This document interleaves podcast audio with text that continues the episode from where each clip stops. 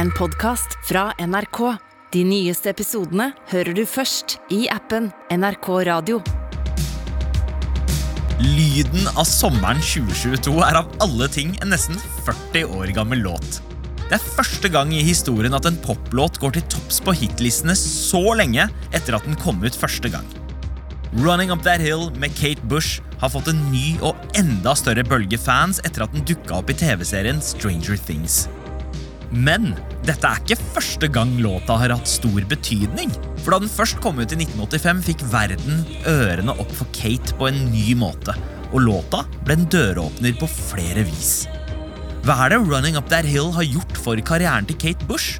Og ikke minst, hva er det med Kate Bush som gjør henne til den udødelige artisten hun er? Velkommen til Musikkrommet. Jeg heter Sandeep Singh.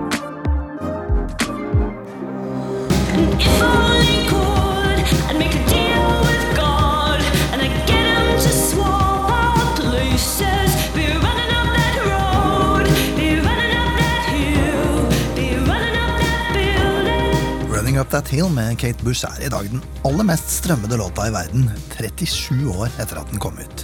Espen Omdal er programleder i Transmission på NRK P13. Kate Bush har fått til noe som er helt unikt. Med god drahjelp fra TV-serien Stranger Things har hun satt nye rekorder med sin låt fra midten av 80-tallet.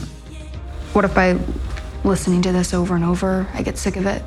Suddenly, it's not my favorite song anymore. Will it still work, or will Kate Bush like lose her magic power or something? Kate Bush? Never. You're a Kate Bush fan, Uh, yeah. Now I am. really? Yeah, mega fan. She saved your life. Årets første sommerhit er en nostalgitripp. For nå har hele verden dilla på en gammel hitlåt som er eldre enn meg. Det er nemlig aller første gang en låt som ikke er en julelåt, har gått til topps på denne måten så lenge etter at den først ble gitt ut. Den gjør det til og med bedre enn i 1985. Og det at hun nå igjen herjer på hitlistene nå i 2022, viser jo på mange måter hvor tidløs musikken hun lager er. Men det var ikke gitt at denne låta i det hele tatt skulle komme til verden. Nei, for Kate Bush har jo gjennom hele karrieren vært en musiker med en veldig sterk kunstnerisk integritet.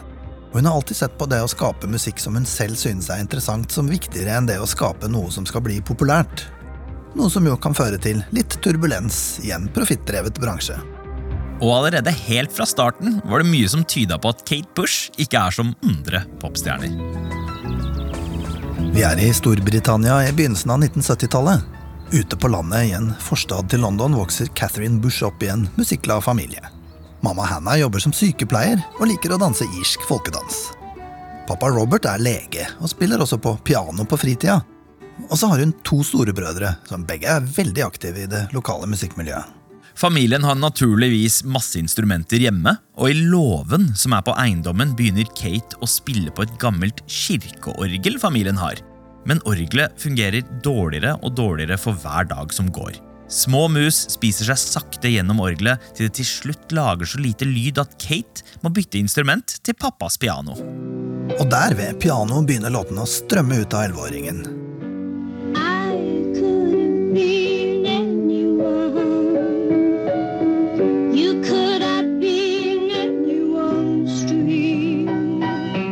Og etter hvert har hun skrevet så mange og ikke minst så interessante låter at familien hennes hjelper henne med å lage en demo med hele 50 egenkomponerte sanger. Altså, wow, en, en demo med 50 låter er ikke akkurat det enkleste å pushe ut til en notorisk utålmodig musikkbransje, men tilfeldighetene vil ha det til at en venn av broren får overtalt en musiker han kjenner, til å høre på demoen til Kate. Og det er ikke bare en hvilken som helst musikervenn. Nei, for et av de aller største og mest nyskapende rockebandene i verden da var Pink Floyd. Og gitaristen i bandet, Dave Gilmore, han skjønner med en gang han hører Kate synge at dette er noe helt spesielt. Så han drar ut til Kate og familien hennes for å høre henne live. Og det han opplever da, imponerer han så voldsomt at han henter inn en produsent og får spilt inn tre av låtene til Kate profesjonelt på sin regning. Og disse låtene tar han med til plateselskapet han selv er på.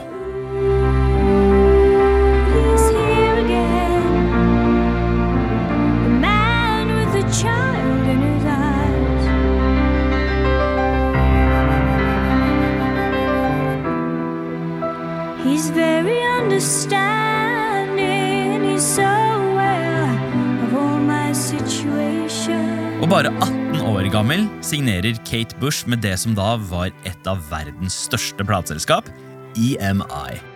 Men jo større plateselskap, jo flere krav, så det skal ikke bli et enkelt forhold mellom dem. Nei, for i løpet av de to årene de bruker på å lage debutplata, er det mye plateselskapet ikke er fornøyde med. De bytter produsenter i hytt og pine før de endelig lander på den samme Dave Gilmore hadde brukt på demoene, og så pusher de Kate til å bruke studiomusikere i stedet for de musikerne hun har spilt sammen med det siste året. Så man kan jo tenke seg at de ikke helt klarer å bygge opp på den kjemien og tryggheten en ung artist trenger for å få spilt inn sin aller første plate. Ja, Og det hjelper jo heller ikke at de krangler med Kate om hvilken låt som skal komme ut som den viktige første singelen. Men Kate vinner heldigvis den diskusjonen, og den 20. januar 1978 slipper hun noe verden aldri har hørt maken til før, nemlig låta Wuthering Heights. Out on the wily, windy moors, we roll and fall in green. You had a temper like my jealousy. Den lyse og intense, nærmest teatralske stemmen. Hele uttrykket hennes skiller seg fra alt annet i 1978.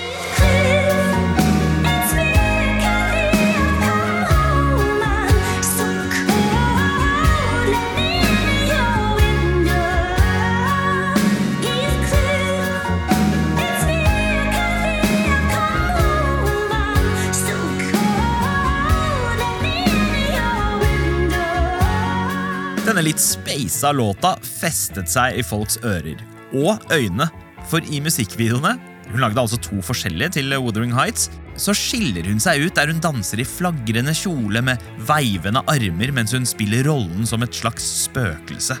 Og det at teksten er basert på en over 100 år gammel roman med samme navn, det var jo heller ikke helt vanlig på den tiden. Særlig ikke fra en som var i slutten av tenåra. Og eh, selv om plateselskapet først var skeptiske til å slippe Wuthering Heights som første Kate Bush-låt, så er de jo nå veldig fornøyde. Ja, For med denne låta så blir hun historisk i Storbritannia. Hun er faktisk den aller første kvinnen som går til topps på hitlistene i hjemlandet med en låt hun har skrevet selv. Og suksessen må jo seff følges opp, og bare en knapp måned etter kommer endelig debutalbumet hennes, The Kick Inside.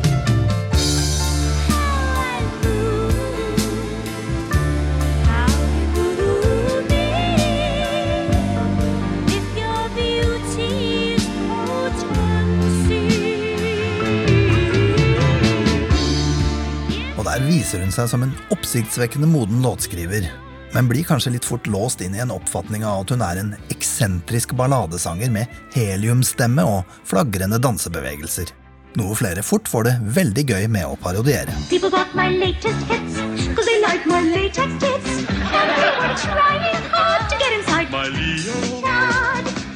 Men albumet gjør det klart at vi har med et unikt talent med en ekstrem skaperkraft å gjøre.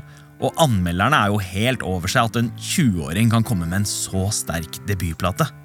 Og igjen skriver Bush seg inn i historiebøkene, for ifølge Guinness rekordbok så blir hun med The Kick Inside også den første kvinnen i pophistorien som selger over én million skiver med en debutplate hvor hun har skrevet alle låtene selv. You've made it. What is there left to do now? Everything. Yeah. I haven't really begun yet. I've begun on one level, but then that's all gone now, so you begin again. Suksessen er et faktum, men den har dessverre også en bakside, for plateselskapet har ikke tenkt å la henne nyte den. It was very difficult that whole stage because being so new to the whole business and straight in with such a successful song, it meant really the next year of my life was nothing but promotion. And I think it was quite early on during that time that I decided that promotion was something that had to come secondary to the music, or I was going to spend my whole life promoting and never ever making another album. So um, it was a very busy period for me then. Amy har fått blod på tann nå. De fronter Kate Bush som en søt og lettkledd sanger, og pusher henne til å gjøre ferdig oppfølgerplata i rekordfart. Så bare ni måneder etter debuten slippes andrealbumet Lionheart.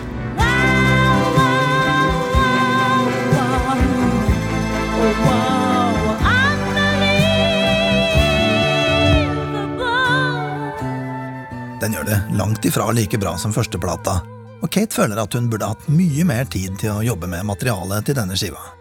Og har nok egentlig et veldig stort ønske om å utforske mer musikalsk. I think change is a very important thing um, on any level, and I, I do want to change not only as a person but uh, as a musician. Men hun får ikke tiden hun ønsker til det. For i avtalen med plateselskapet så må hun nå promotere albumene sine med både intervjuer og ikke minst en turné. Men hun skal også snart møte en musiker som skal vise seg å ikke bare ha samme tilnærming til musikkskaping som henne selv, men som også skal ha enorm betydning for hennes musikalske utvikling framover. Games without frontiers, war without tears.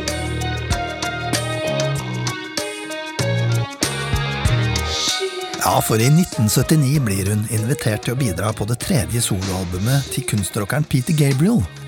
Og han introduserer Kate for et spennende instrument som eh, på dette tidspunktet er så nytt at han er den første som i det hele tatt eier et slikt et i hele Storbritannia.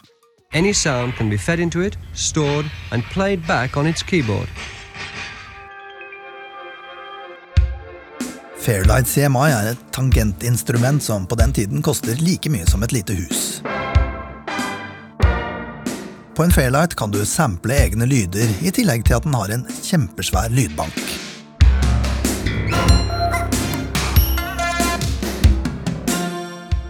Og så har den jo en sequencer som gjør at du kan programmere og arrangere låter. Det høres jo rett og slett ut som forgjengeren til eh, dagens digitale musikkproduksjonsprogrammer. Ja, det er egentlig akkurat det den er, og Kate hun blir jo så fascinert av denne dingsen at hun like godt leier seg en selv. You hear a sound and it has a whole quality of its own that it can be sad or happy or and that immediately conjures up images which can of course help you to think of ideas that lead you on to a song. So really sounds now I think are pieces of gold for people. Og når Kate slipper singelen Babushka sommeren 1980, kan man tydelig høre hennes første lek med lydsampling.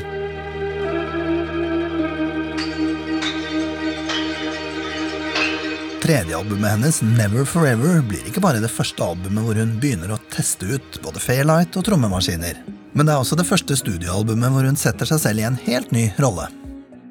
For med arbeidet på de foregående platene så har hun sett og lært hvor mye av den kreative prosessen med plateproduksjon og ikke minst soundet på plata som blir påvirket av produsenten. Så hun har gradvis lært seg mer og mer om hvordan dette fungerer. Og nå er hun altså klar for å ta rollen som hovedprodusent, med bare en annen som koprodusent. Og produsentdebuten hennes imponerer. Never Forever går rett til topps på albumlista i UK, og Babushka blir nok en stor hit for Bush.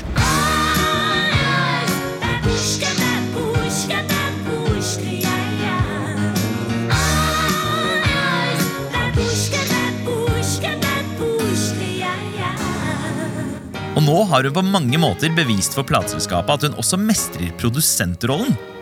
Men når Kate får tilliten av plateselskapet til å sitte alene i produsentstolen, så får hun seg en knekk. Ja, for når Kate går i gang med sitt fjerde album, er hun veldig gira på å eksperimentere enda mer med Fairlighten, trommemaskinene og ikke minst produksjonsmulighetene, samtidig som hun er smertelig klar over at hvert minutt hun bruker i det legendariske platestudioet Abbey Road, koster flesk. I do get quite nervous if you've got people you don't know coming in listening. Uh, in London studio, people are always coming in, borrowing pieces of equipment. The phone's always ringing, and it's costing you a phenomenal amount of money every hour. So you do feel guilty if you experiment because you feel you're just throwing money away. Og dette presset for å levere blir jo så stort at hun rett og slett får skrivesperre, og må til og med pause innspillingen for å klare å komme seg videre. Men i 1982 kommer endelig hennes fjerde album, The Dreaming. Money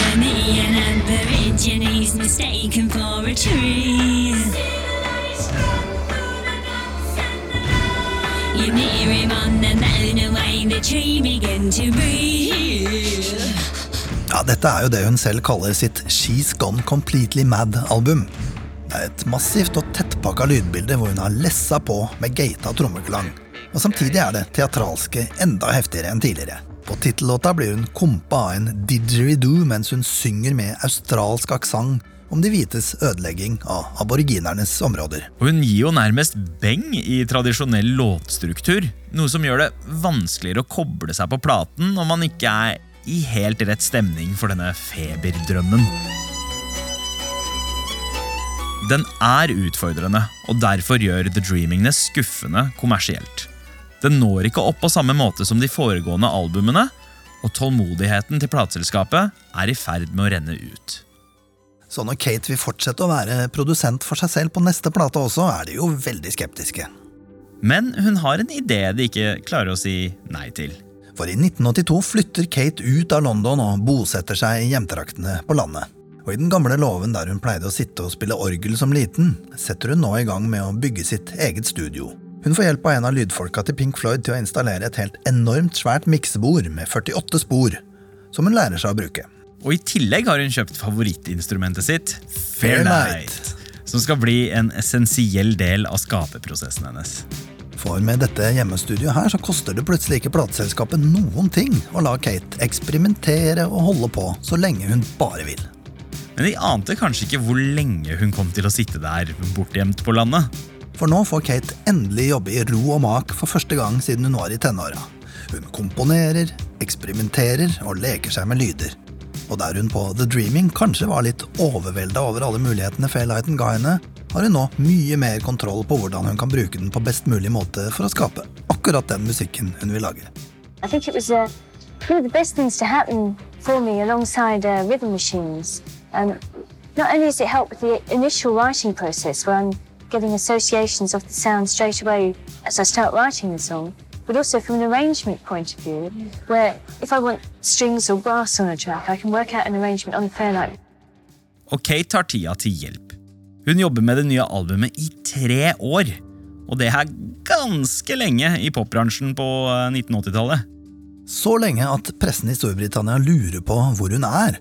Det går rykter med alle mulige teorier, og 3. august 1985 spør musikkavisa New Musical Express i spalta Where Are They Now? Hvor i alle dager er det blitt av Kate Bush? Og den 5. august, bare to dager etter, er det som om Kate svarer dem når hun dukker opp i beste sendetid på BBC.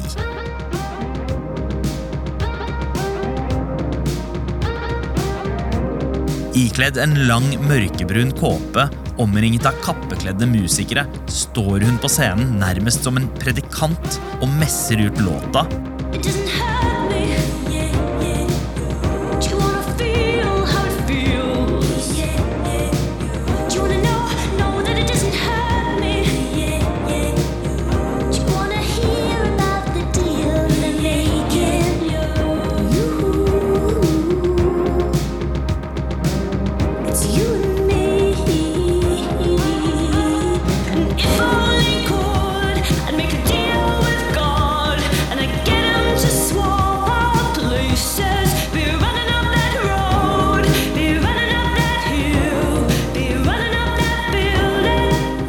That Hill blåser hele UK av banen. Den fyker opp til toppsjiktet på hitlistene, og det er hennes største låt hjemme i UK siden Wuthering Heights. Og det er jo ikke så rart, for det er jo litt av en låt.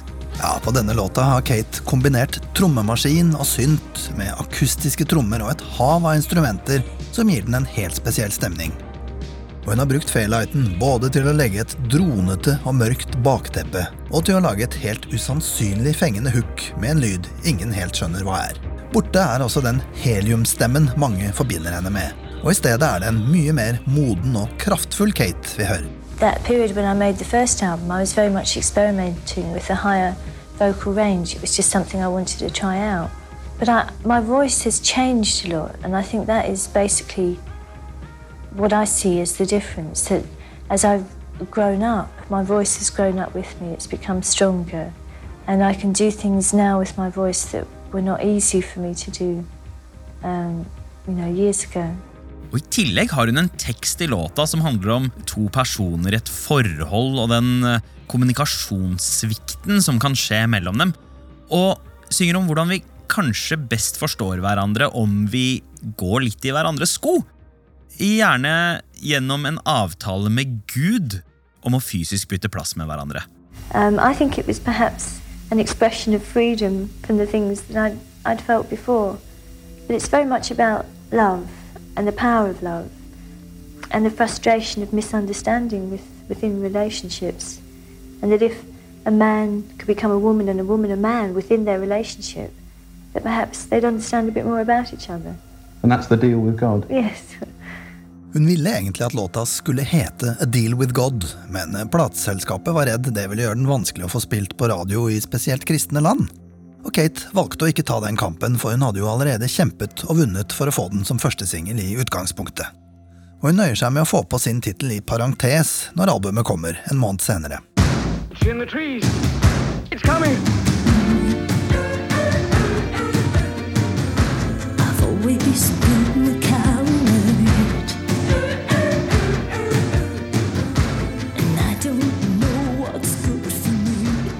For med plata Hounds of Love viser Kate at hun har tatt store steg musikalsk. Flere av låtene ligner ikke på noen annen popmusikk på denne tida. Albumet viser hvor iørefallende pop Kate kunne komponere samtidig som musikken og tekstene har en enorm dybde.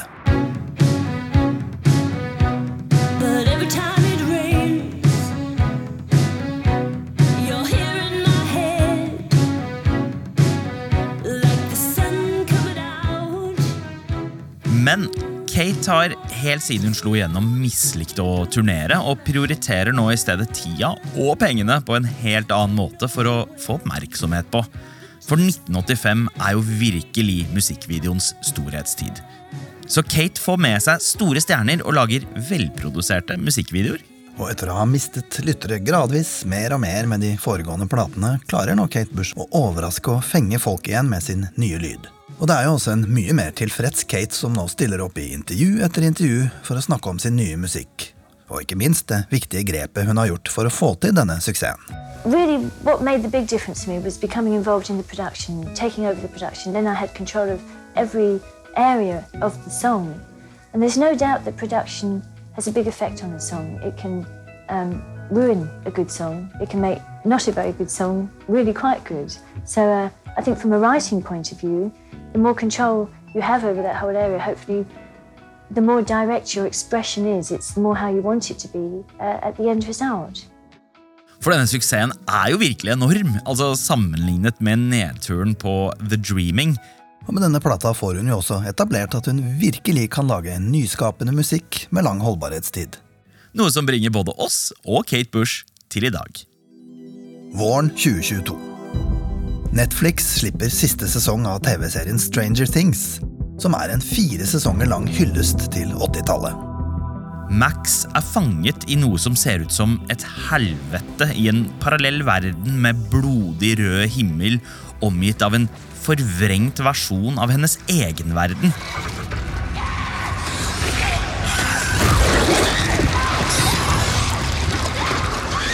Et monster som ser ut som et flådd og blodig uhyre med lange tentakler, setter klørne i henne, klar for å dra ut alt liv.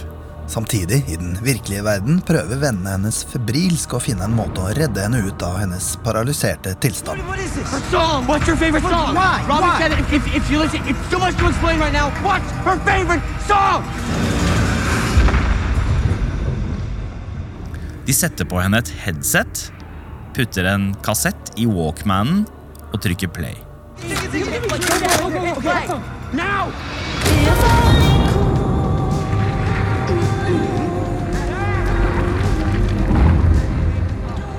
Hvordan det går i Stranger Things kan vi nesten ikke avsløre nå, men dette er jo introduksjonen en helt ny generasjon får til Kate Bush og hennes ikoniske låt.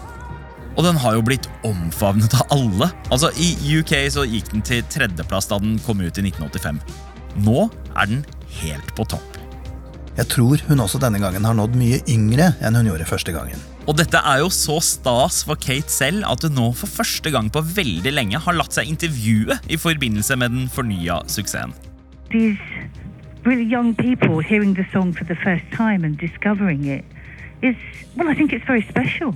For Kate har jo aldri før i sin over 40 år lange karriere hatt en låt som har nådd topp 10 i USA. I just never imagined that it would be anything like this. It's um, it's so exciting, but it's quite shocking, really, isn't it? I mean, the whole world's gone mad. Stranger Things har jo hele tiden brukt 80-tallslåter som soundtrack, men dette er vel en av få ganger en låt har fått en sånn posisjon i en TV-serie, nærmest en egen hovedrolle. Ja, og Det i seg selv var jo ingen selvfølge. For det hører til sjeldenheten at eh, Kate Bush gir film eller eh, TV-serier tillatelse til å bruke musikken hennes. Det hjelper jo at hun er en stor fan av serien i utgangspunktet, og avslører samtidig at hun også har lest hele manuset til serien og godkjent måten musikken hennes kom til å bli brukt. I thought, what a lovely way for the song to be used in such a positive way, you know, as a kind of talisman almost, really, for Max. And um, yeah, touching. Og det passer jo veldig godt med hennes eget behov for å ha kontroll på både musikken sin og ikke minst prosessen rundt den. Ja, for Kate Bush er virkelig en foregangskvinne. Særlig når vi tenker på hvordan hun brukte instrumenter som Fairlight og trommemaskiner, og, og dermed lagde musikk som lå flere år foran resten av verden sånn rent lydmessig. Ja, Det var jo på en måte popens framtid hun eh, presenterte i 1985. Altså, Lyden av Running Up That Hill er jo et eh, poputtrykk som ble mer fremtredende på hitlistene eh, mot slutten av det tiåret og 90-tallet. Og det er jo helt vilt å tenke på måten hun gjorde det på. Og ikke bare at hun var den første kvinnen til å toppe listene med helt selvskrevne låter, men hun satte seg jo også i produsentstolen på en tid hvor popstjerner sjelden gjorde det. Særlig kvinner. Akkurat det åpnet jo dørene for mange. For det er ikke akkurat mangel på artister som har sagt at de er tydelig inspirert. Eh, Bjørk og Susanne Sundfør er to. Det ble jo etter hvert nesten en floskel det at all musikk av kvinner som var litt annerledes, ble stempla som Kate Bush-aktig. Men man må jo huske at det også er mange menn som har sagt at hun er en stor helt, også i helt andre sjangere, som Big Boy fra Outcast og selveste Tupac Shakur. Men selv om hun har satt sterke musikalske spor i mange, så er det vanskelig å finne spor av henne som person gjennom årene. For hun har jo helt siden starten egentlig vært en ganske tilbaketrukken artist, som ikke har vært særlig opptatt av å være i rampelyset. Nei, det er jo snakk om en artist som var på én turné i 1979, for så å vente i 35 år med å gjennomføre én omfattende konsertrekke. Og det har jo ikke strømmet ut med musikk heller. Hun har bare kommet ut med fire album siden Hounds of Love, men hun har fortsatt på det eksperimenterende sporet hun tråkla frem allerede i tenåra, der hun lager musikk som først og fremst er tro mot henne selv og hennes uttrykksbehov, og ikke for å please publikum. Og som nettopp derfor, av sitt unike særpreg, treffer folk så enormt kraftig, selv etter 40 år. Og det vitner jo om en artist som er skapt for evigheten. And I think music is very special. It's different from all other art forms, isn't it, in a way? I mean, all art forms sit in their own space, but music has a way of touching people. Du har hørt en episode av Musikkrommet. Hvis du likte det du hørte, anbefal oss gjerne til en venn. Takk til gjest Espen Omdal. Denne episoden er laget av Jean Kristin Sena, Amund Grepperud, Alf Magne Hillestad, Nils Vingrei og meg, Sandeep Singh. Redaksjonssjef er Daniel Ramberg. Du har hørt en podkast fra NRK. De nyeste episodene og alle radiokanalene hører du i appen NRK Radio.